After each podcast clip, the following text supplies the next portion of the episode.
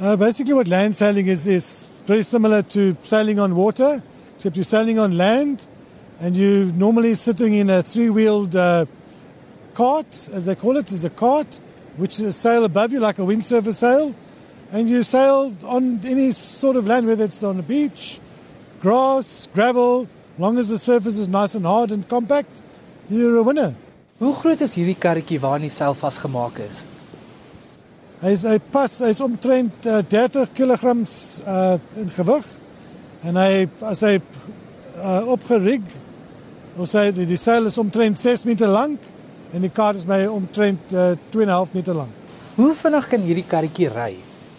Die die die vinnigste tyd vir 'n uh, blou kar is omtrent 112 km maar it's dependent on the on the wind.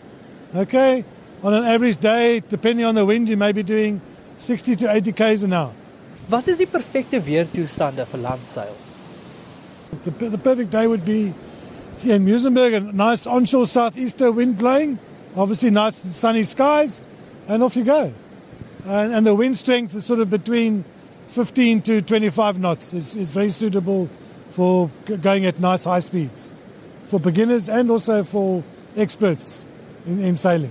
Wat het jy nodig om hierdie tipe sportsoort aan te durf? Moet 'n mens sekere kennis hê, moet jy ken bestuur? This is a very simple uh car to operate. Uh, it takes about 10 to 15 minutes of instruction to show the person aging from I've had a 5-year-old kid doing it before.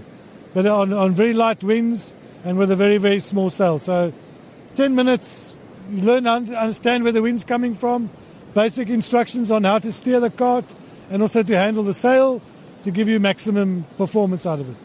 Hoe sal 'n mens hierdie ding beheer of hom draai? Is daar 'n stuurwiel? You're sitting in the cart very comfortably, very low, you're almost about uh, almost about 8 inches off the ground. So you're sitting down in a nice seat. You're steering the cart with the handlebars, which controls the front wheel, not the rear wheel. So it's front wheel steering with the handlebars, and then you've got a rope that controls the sail, which you adjust according to the direction of the wind that is uh, coming onto your cart. So if it's on your side, then you'd have to tension the rope to to create the, the, the best uh, wind for the cart. So wat is die oorsprong van hierdie sport en watter land het dit begin? Um, land sailing well, started maybe 3 centuries ago when they used it as a method of transporting product over land.